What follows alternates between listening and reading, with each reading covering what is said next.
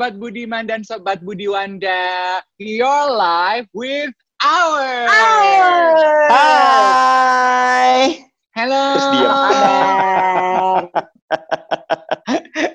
Sobat Gimana, Sobit. gimana, gimana? Gue nggak mau banyak berbasa basi ya. Episode Mm-mm. kali ini tuh Iwet, Angie, dan saya Dave atas usul kita bersama juga persetujuan produser kita Rani yang ada di kontrol panel. Kita mau membahas mengenai salah bercanda di ruang publik. Wah, Ini ini, tuh- sering banget. Ini acap kali terjadi ya nggak sih? Dan yang paling hot terakhir adalah soal bercandanya seorang youtuber yang dia ngeprank orang itu kan, yang dia ngasih kok ceritanya ngasih bagi-bagi sembako, terus padahal isinya adalah batu sama sampah itu kan, ditangkep digebukin sama masyarakat loh. Iya, kalau kalau yang youtuber itu ya Angie ya, sekarang udah di penjara malahan. Tuh. Eh, tapi nggak cuman si prank itu. Ada satu lagi juga yang kemarin baru baru aja terjadi. Jadi ada satu youtuber, eh, apa namanya? Eh, kita sebut aja lah ya, karena kan juga eh, sobat Yolo Budiman dan Budiwanda udah pada tahu juga kasus ini, gitu kan? Ada si Grite sama Indira ya, kalau gue nggak salah namanya. Aku nggak Jadi sebenarnya sih,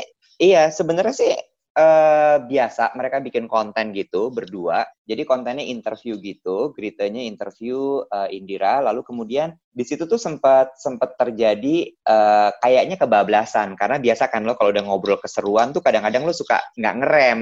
Nah si Indira ini bilang gitu bahwa gue sih kalau keluar-luar nggak perlu pakai nggak perlu pakai masker. Gue kalau pakai masker tuh Mm-mm. masker buat wajah biar cantik em gitu. Terus udah gitu "Eh, ngapain di ditutup pakai masker? Napas sesek deh bilang gitulah pokoknya. Kurang lebih sih kalimatnya seperti itu tapi nggak persis gitu. Mm-mm. Dan ini cukup Terus? menimbulkan kontroversi. Kenapa? Karena dua-duanya itu sangat powerful sekali, Bo. Powerful itu gila-gilaan memang. Yang satu Oh, memang yang YouTuber itu dan juga toh.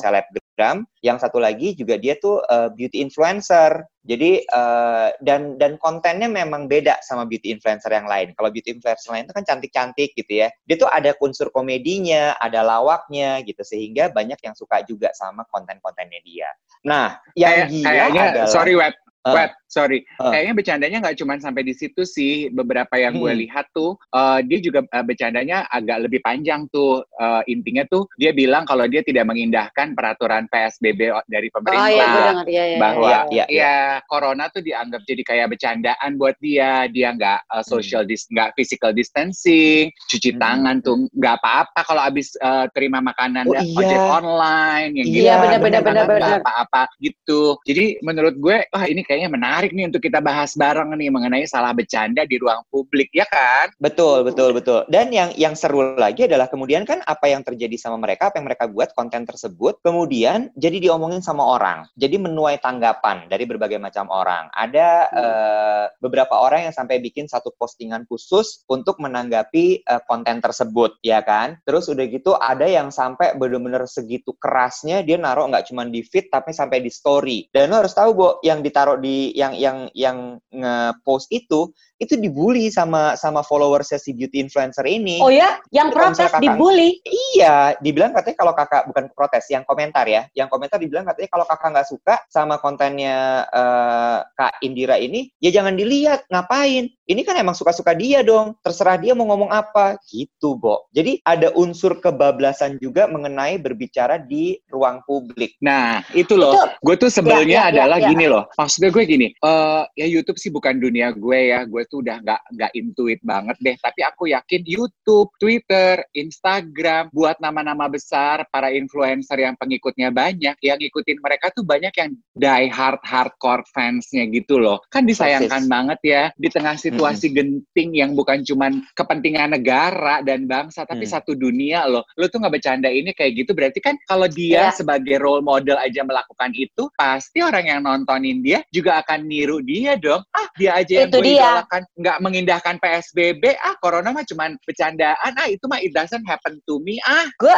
gue gue selalu berpikir bahwa gini seseorang once you are a public figure apa pun itu youtuber influencer itu kan masuk dalam kategori public figure ya terus uh, Ya. apa namanya uh, kayak politikus mereka kan juga masuk dalam kategori public figure ya mereka tuh Betul. ya memang harus memberikan teladan yang baik, Bo. Ya enggak sih? Kalau kita mau lihat lagi ya, zaman dulu ya, Bo ya, di zaman ya kita, mungkin bukan kita soal, ah, lu balik lagi ke zaman lo, zaman lo. Enggak sih, Bo. Kayak kita juga banyak lihat orang yang sempro-sempro, tapi basically mereka tetap tahu bahwa mereka tuh jadi panutan, mereka tuh jadi role model. Jadi at least mereka melakukan sesuatu tuh uh, berusaha untuk ya istilahnya ya pencitraannya di depan ya baik. Ya di belakang kalau tahu-tahu ketangkep narkoba sih lain cerita ya, Bo ya. Tapi at least di depan mereka tuh berusaha menunjukkan sesuatu yang baik karena mereka tahu bahwa mereka tuh menjadi teladan dan diikuti banyak orang. Ya nggak sih? Betul. Betul. Yes, yes. Iya Ini eh, sebetulnya tuh ada dua hal menarik yang bisa kita bahas dari peristiwa ini ya. Satu, Hmm. gue tuh cuman pengen kita tuh berbagi eh, eh, sebagai kan kita bertiga ini memiliki pengalaman sebagai seorang penyiar radio, sebagai Hmm. MC, sebagai presenter, ya dong. Berarti Hmm. kita juga sudah terbiasa hidup di eh, ranah publik. Ada Ya. nggak sih eh, ilmu yang bisa kita bagi nih buat teman-teman yang mendengarkan supaya kita tidak melakukan salah bercanda, ya kan? Oke. Salah bercanda ini sebenarnya bukan cuma berlaku untuk orang-orang yang hidup di ranah publik. Dalam pertemanan dan Hmm. pergaulan, pasti kita juga pernah melakukan salah bercanda. Gue inget banget ya, gue pernah bercandain teman gue gitu ya. Uh, gue pikir tuh kadang-kadang kita bukan merasa kalau udah kenal banget sama seorang, terus ya udahlah ya udah tahu pribadinya dan karakternya, kita bisa tahu bahwa, bahwa oh dia kayaknya oke-oke aja di bercandain. Gue pernah bercandain jadi ada teman gue, uh, dia tuh lagi punya masalah dalam rumah tangganya gitu. Terus ya I, Hmm. I cross the line sih, I, I know I cross the line. Terus udah gitu, uh, gue pas bercanda, pas gini, uh, ada jadi ngobrol sama orang yang, ini gue tuh cita-cita banget deh, pengen suatu hari bisa bisa eh, apa namanya eh, gue pe- pengen bisa one day meliput suatu tempat yang ada lagi berkonflik gitu. Terus dia gitu terus gue bercanda ya udah kalau lo mau mulai dari suatu berkonflik mulai aja dari rumah tangganya doi yang lagi bermasalah. Marah lo dia sama gue asli asli itu pas lu ngomong gitu orangnya pas lu ngomong gitu orangnya ada di situ ada ada. Bo semuanya adik kita ngobrol rame lu mulai aja dari rumah tangganya dia yang lagi berkonflik. Dia diem saat itu bo. Dia diem gitu ya ketawa-ketawa. Tapi setelah lama gue baru tahu dan dia baru ngomong. Gue tuh sebel sama lo waktu itu lo ngomong kayak gitu. Aduh masa? Gue bilang gitu. Thought, I thought orang itu tuh nggak apa-apa bo. Gue bercandain gitu. Karena orangnya juga tukang bercanda. Balik lagi kan jadi kan itu kan dalam kayak bukan skup-skup ini ya. Bukan skup lo ada di ranah publik. Dalam pertemanan tuh sering terjadi loh. Lo juga salah bercanda marah gitu kan. Atau sakit hati kita nggak tahu ya kan Nah, makanya menurut gue membahas mengenai bercanda, terutama di ruang publik itu jadi menarik, because I believe bercanda itu making jokes atau uh, melebarnya ke bikin prank, jail-jailan, usil, itu tuh seni yang sulit sekali, nggak semua orang bisa memahami. Sama teman Yes, sendiri aja, seperti yang tadi Angie Yes. bilang, yang kita udah deket, udah sama-sama nyaman, kadang-kadang kita suka kebablasan. Apalagi kalau kita bercanda di ruang publik, yang nonton tuh kita nggak kenal semua dan kita nggak bisa kontrol. Nih, gue punya gue punya sudut pandang soal bercanda di ruang publik, terutama di media digital seperti saat ini. Dan ini sudut pandangnya juga gue ambil dari beberapa teman-teman yang memang sangat aktif sekali di dunia tersebut. Dan memang ternyata pola pikirnya beda banget sama zaman kita dulu. Abis ini ya kita bahas ya, jangan ke mana-mana, tetap di YOLO Podcast. Yolo! Mantap! Kembali lagi masih di podcast YOLO, tentunya Sobat YOLO Budiman dan juga Budi Wanda, Dave, Angie, Iwet masih nemenin terus ya. Kita ngomongin soal bercanda di ruang publik. Gue tadi sempat, sebelum kita pisah, gue sempat ngomong gitu, bahwa gue mau ngasih satu pandangan yang gue dapatkan dari teman-teman yang memang akali di dunia digital ini. Ternyata memang beda sekali sama zaman kita dulu. Maksud gue gini, gue itu balik lagi nih, eh, masuk dalam kategori perbatasan kan. Jadi bisa dibilang milenial senja kemarin istilahnya, istilahnya Angie. Apa? Iya, iya. Bangga banget jadi milenial sejak Iya. dua menit Kagak. sekali diulang. Cuma- Heran. Perlu gue bikinin map tulisannya lu milenial senja. Iya, iya. Lu paling muda. Heran. Jangan dong bikin gue kaos, jangan mak. Kalau mak nggak kelihatan, kalau kaos bisa gue pakai. Nih, jadi gini ceritanya. Kalau dulu gue itu di antara Angie sama Dave yang paling terakhir sebenarnya masuk ke dunia entertainment. Gue paling junior, betul kan? Terus uh, karena gue bermain sama mereka dan mereka lebih senior daripada gue, gue itu sering sekali diingetin sama mereka. Bo, nggak gitu caranya. Macam-macam lah tegurannya buat gue. Bisa yang nanti gue disentak sama Dave, disentak sama Angie. Tapi yang jelas dengan begitu, gue jadi tahu manners tuh harusnya seperti apa. Kayak gimana menghadapi senior, gimana gue menghadapi klien, gimana gue menghadapi fans pada saat itu gitu. Sampai uh, apa namanya tata cara itu semua tuh bener-bener gue inget sampai sekarang gitu. Gue gue tuh jaga-jaganya gila banget. Berbeda dengan teman-teman gue yang kemudian masuk ke dunia entertainment setelah gue dan kemudian uh pada saat itu ketika mereka masuk dunia entertainment setelah gue itu udah zamannya beda banget sama kita inget gak sih acara yeah. musik pagi-pagi yang kita sampai gini yeah. pagi tuh ya bawain acaranya yeah, inget gak yeah, sih Dave, yeah. Angie kita quote, ngebahas quote, itu quote, quote unquote era kebablasan ya tuh ya sebenarnya nah, ya. Itu dia. Itu tuh cikal bakal tuh. Itu menurut gue cikal bakal. Dan mereka memang uh, teman-teman gue yang ada di era itu itu bilang bahwa era lo tuh udah ketuaan wet, udah nggak masuk lagi sama pemirsa TV pada saat ini. Hmm. Mereka bilang gitu. Ya oh gitu ya. ya. Jadi gue emang udah nggak relevan lagi sama mereka. Itu satu. Lalu kemudian ketika masuk ke dunia digital, lo harus tahu, Bo, sampai dibilang gini, salah satu cara untuk masuk dalam dunia digital adalah lo memang harus quote unquote seberisik mungkin. Berisik oh, dalam gitu, katanya. vokal. Lo harus ya? vokal. Perkara salah, perkara benar, lo sikat. Okay. Ya, which itu sebenarnya di zaman kita dulu untuk masuk dunia entertainment memang kadang-kadang lo butuh sensasi. Iya nggak sih? Kita let's admit yeah. it. Banyak juga teman-teman di angkatan kita tuh yang masuknya karena sensasi sehingga dia boom naik dan kemudian uh, dia jadi terkenal sekali. Begitu pula juga dengan di digital. Cuman memang mereka pada saat ini dibentuknya adalah vokal itu tadi. Ngomong aja, okay. nggak usah lo pikir, okay. usah lo ayat, pokoknya blar sampai akhirnya lo nanti terkenal. Baru kemudian dari situ, nih kalau yang kalau yang waras ya, baru dia shape, dia arahin tuh hmm. mau apa, dia okay. mau bikin Aku boleh komentar nggak? Boleh, silakan. Aku boleh komentar nggak sebelum Iwet melanjutkan uh, insight ya Iwet yeah. Iya. uh, mengenai apa orang tuh kalau di YouTube supaya viral, I hate that word, supaya dikenal yes, yes. itu harus harus vokal aja gitu, harus berisik. Kalau aku tuh mikirnya gini Iwet dulu kita tuh juga diajarkan, ke, kenapa saya bilang dulu, dulu waktu belajar jadi penyiar, dulu hmm. waktu belajar jadi presenter, kita tuh hmm.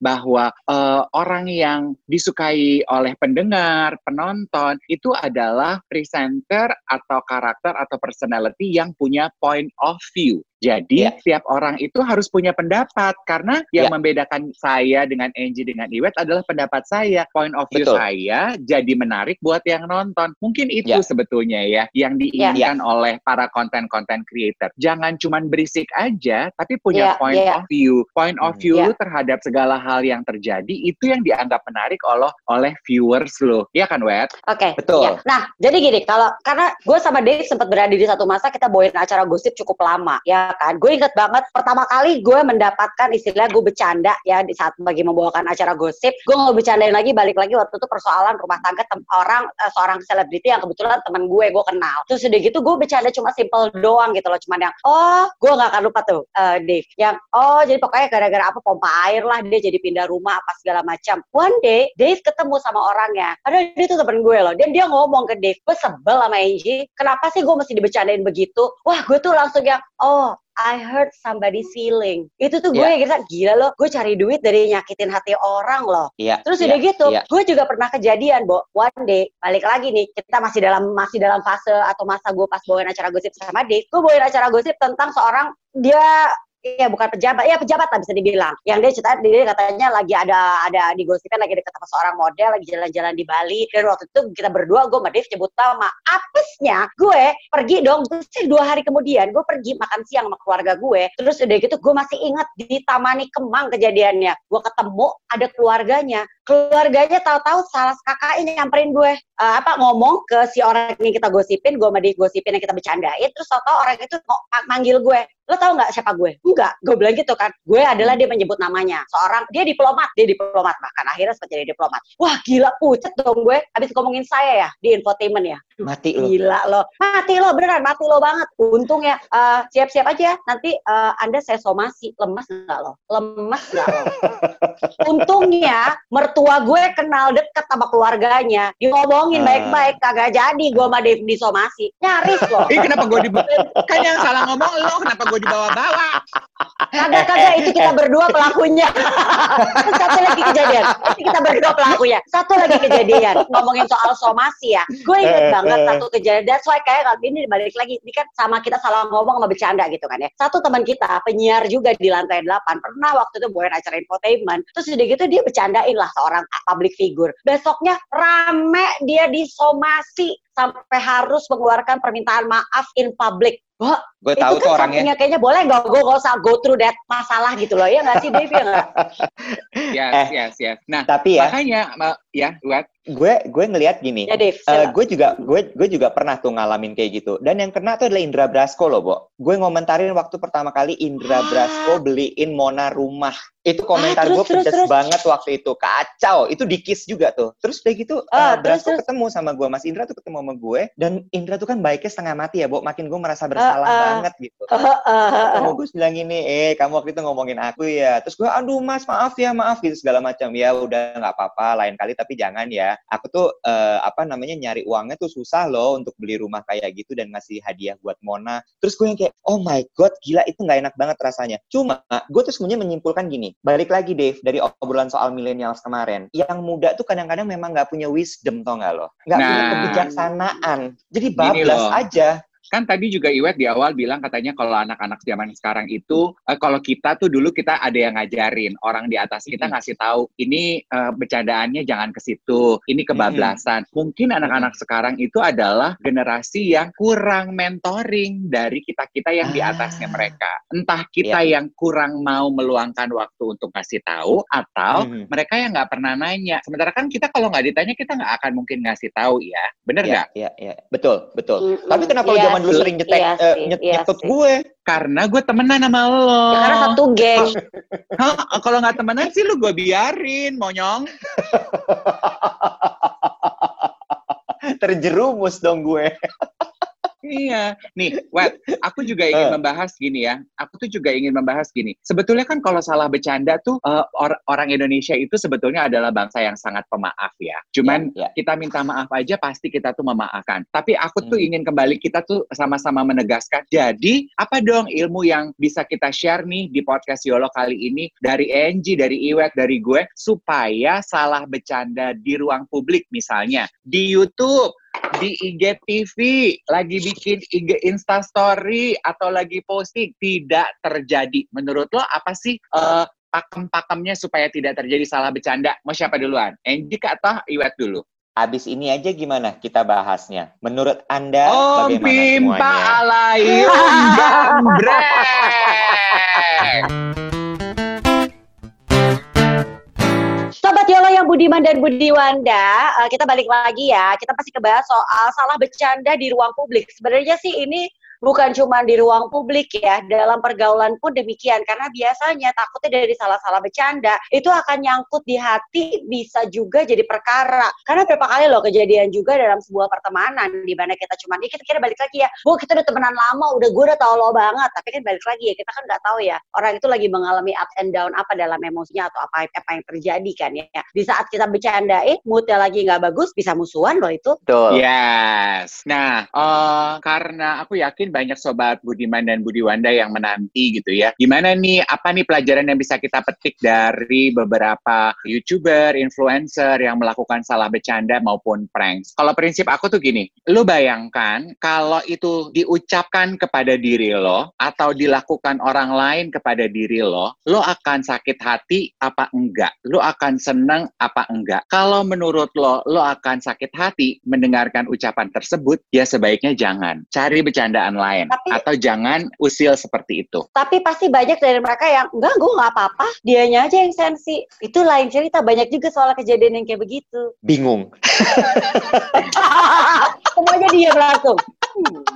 Kalau gue Nah, Iya nggak? Kalau gue ya, kalau gue. Tunggu, iya. Ah, Eh, ah, bener, kenapa deh? bener, bener Ji. Cuman kan kita tuh lagi mencoba mencari rumusan nih yang bisa dipetik sama-sama. Apa sih gitu tipsnya supaya kita tuh bisa ngatur mulut kita untuk tidak bercanda. Kalau lu bilang, tapi kalau Ya, ya, kalau ya, gue ya. gue kalau udah dibalikin ke diri kita terus kita merasa eh, misalnya gitu ya, eh, ada orang bercanda sama gue dasar gendut lo gitu. Kalau menurut lo, lu udah balikin sama diri lo. Kalau lo bilang, oh gue sih nggak apa-apa dikatain diri gendut, yes. Tapi kita juga harus ingat kalau orang lain itu mungkin memiliki Uh-uh. apa ya intensitas Toleransi. atau toleransi, Ya, ya, ya, ya, toleransi ya, ya, ya. terhadap hal itu tuh mungkin pasti pastinya berbeda dong dengan diri kita. Plus Ya, sama seperti ya. Angie, kita juga harus pikirin kan orang yang ngedengerin, orang yang kita ajak bercanda lagi moodnya stabil atau lagi sensi apa Ya. enggak. Nah, makanya sebenarnya prinsip gue, nggak, gue nggak mau bilang kita main aman, enggak. Kalau gue tuh sangat berhati-hati untuk bercanda. Teman sendiri jauh lebih gampang. Salah bercanda di ruang publik menurut gue jauh lebih sulit. Kenapa? Karena kalau teman sendiri kan lu cuma Benar. one on one atau uh, Hmm. dalam grup pertemanan yang udah sama-sama lo ketahui. Kalau di ruang Hmm. publik kayak Angie deh gitu, di Instagramnya 300 kebo, emangnya dia kenal 300 orang itu? Emangnya 300 k itu? Emangnya dia bisa kontrol tuh emosi 300 k followernya? Enggak kan? Berarti untuk menghindari untuk tidak terjadi salah bercanda, lebih baik kita main yang normatif aja. Gimana? Gue, gue, gue, gue, gue. Sa- sama gue satu lagi, si bentar, Wet. milenial. gue pendek, gue Ah. pendek. Satu hal, Ah. satu hal yang gue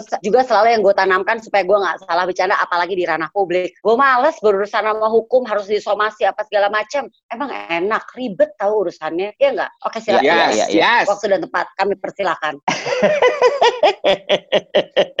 Eh, kalau gue ya, WhatsApp pengen digetok Iya. tuh deh. Enggak, enggak. Kalau gue sabar semua. Sebagai si milenial senja, tetap gue hadirkan milenial senja. Oh. Gue somasi lu.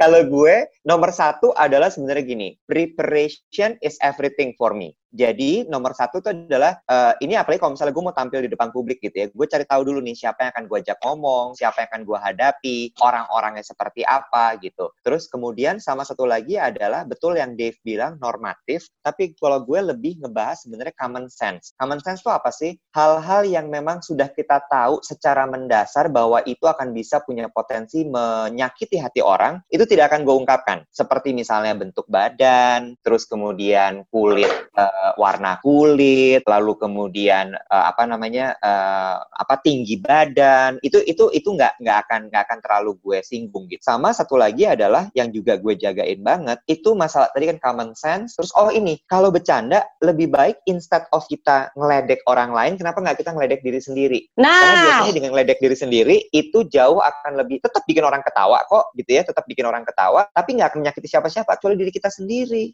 betul. Yes. Mbak Walaupun Nunung setuju. Mbak Ya. Nunung setuju sama Sule. Sule bener banget, Le. Walaupun Aku tapi kadang-kadang ya, bentar, bentar. Tapi kadang-kadang gue juga I have to admit, gue harus mengakui kadang-kadang gue juga kalau misalnya udah bercanda bareng sama teman-teman gue dan terlalu asik, tetap suka kebablasan dan ketika itu terjadi gue kadang suka eh ini salah pas ini. Abis itu gue akan gini, bentar-bentar deh. Gue tadi kayaknya ngomongnya kebablasan ya, maaf ya. Gue bisa langsung bisa langsung minta maaf di tempat gitu. Itu sih kalau gue. Common sense is everything. Aku mau komentar keburu lupa. Suka Hmm. banget ketika Iwet bilang kontrolnya adalah diri kita, common sense. Hmm. Perfect buat gue. Perfect banget. Sama kalau lu udah udah menguasai common sense, lu kan udah in tune sama common sense lo. Ada satu yang levelnya di atas itu menurut gue. Kita tuh kalau mau bercanda di ruang publik, lo harus melatih kepekaan, ya. Nah, kepekaan dalam bener. arti, yes. Kalau lo misalnya, lo lagi syuting, lagi syuting YouTube lo, kan pasti ada Hmm. kru, ada orang lain yang terlibat. Lo Mhm. harus peka lawan bicara lo, orang di sekitar lo ketika mereka mendengar bercandaan lo, ada Hmm. perubahan reaksi apa enggak? Kalau mukanya Yes. kecut, lu Yes. berhenti, jangan Iya. jangan terus lu lu tambahin Bablasin. lagi, lu bumbuin Ah. lagi, lu bablasin lagi itu satu. Heeh. Yang Iya. Iya kan? Ya, yang Iya. kedua, gue Iya. tuh orangnya sangat percaya bahwa Tuhan tuh kasih kita masing-masing intuisi di dalam hati. Benar, Jadi benar, ketika benar. kita ketika kita bercanda, terus kita tahu kok kayaknya nggak enak ya, intuisi Ya, hati ya, lu ya, tuh ya. sebetulnya udah ngasih Ya, ya, signal. nyala. Cuman uh, lo mau mau terima, mau mendengarkan apa enggak? Ada orang-orang kan atau mungkin generasi sekarang saking pengen viral, saking pengen Hmm. beda, saking Hmm. pengen seru, itu tuh tidak mendengarkan intuisi lo.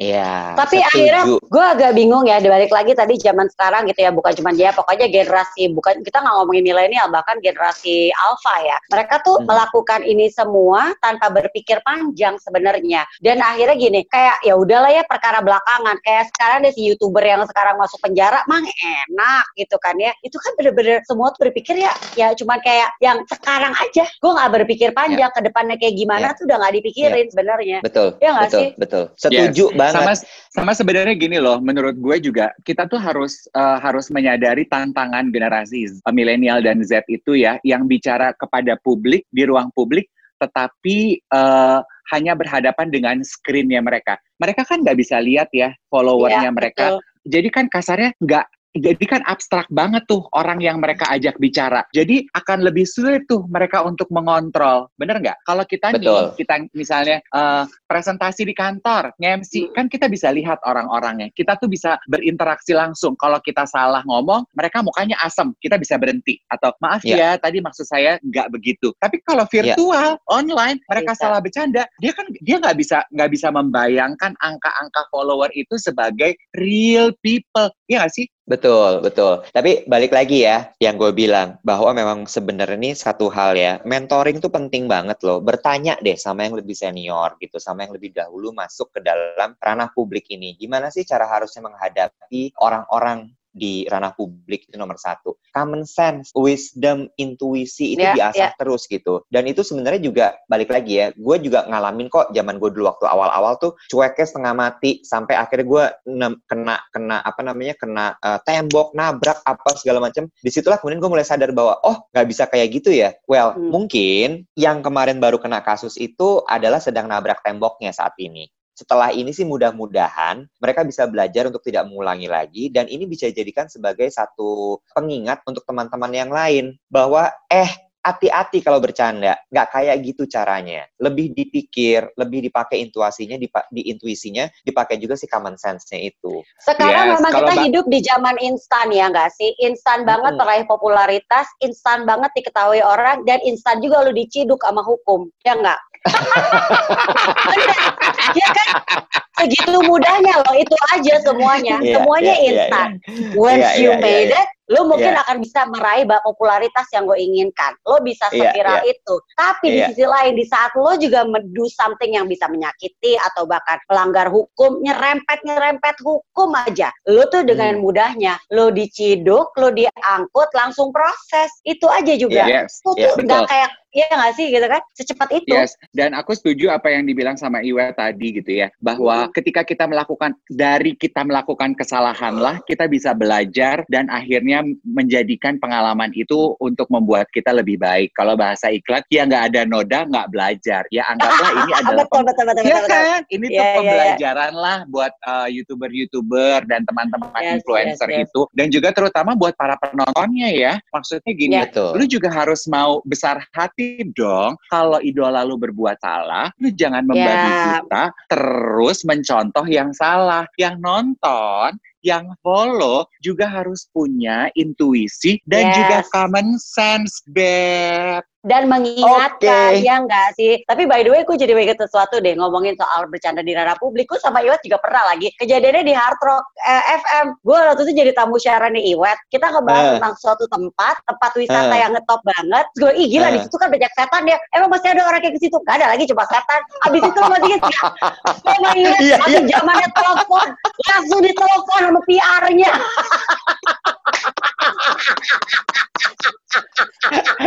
balik kan? lagi kebablasan soalnya langsung kukut langsung ciut aduh takut